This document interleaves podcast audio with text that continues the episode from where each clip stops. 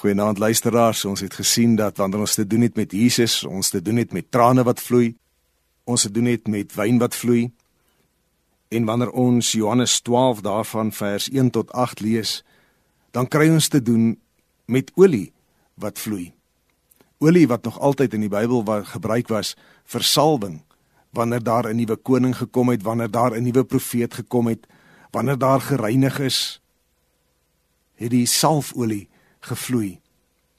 Die doel van hierdie salfolie was om maar net te wys dat iets onaantastbaar gereserveer was vir God.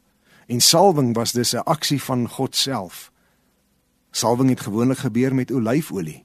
Olyfolie is ook gebruik vir kos maak, lampolie, as kosmetiese middel, as handelsmiddel. Maar in Johannes 12 vloei daar 'n ander olie, nardusolie. Olie wat gebruik word nie vir salwing nie, maar eintlik vir balseming. En hier word Jesus waar die nardusolie vloei. Ja, gesalf as ons redder, maar ook gebalsem as die een wat alles sou gee vir my en vir jou.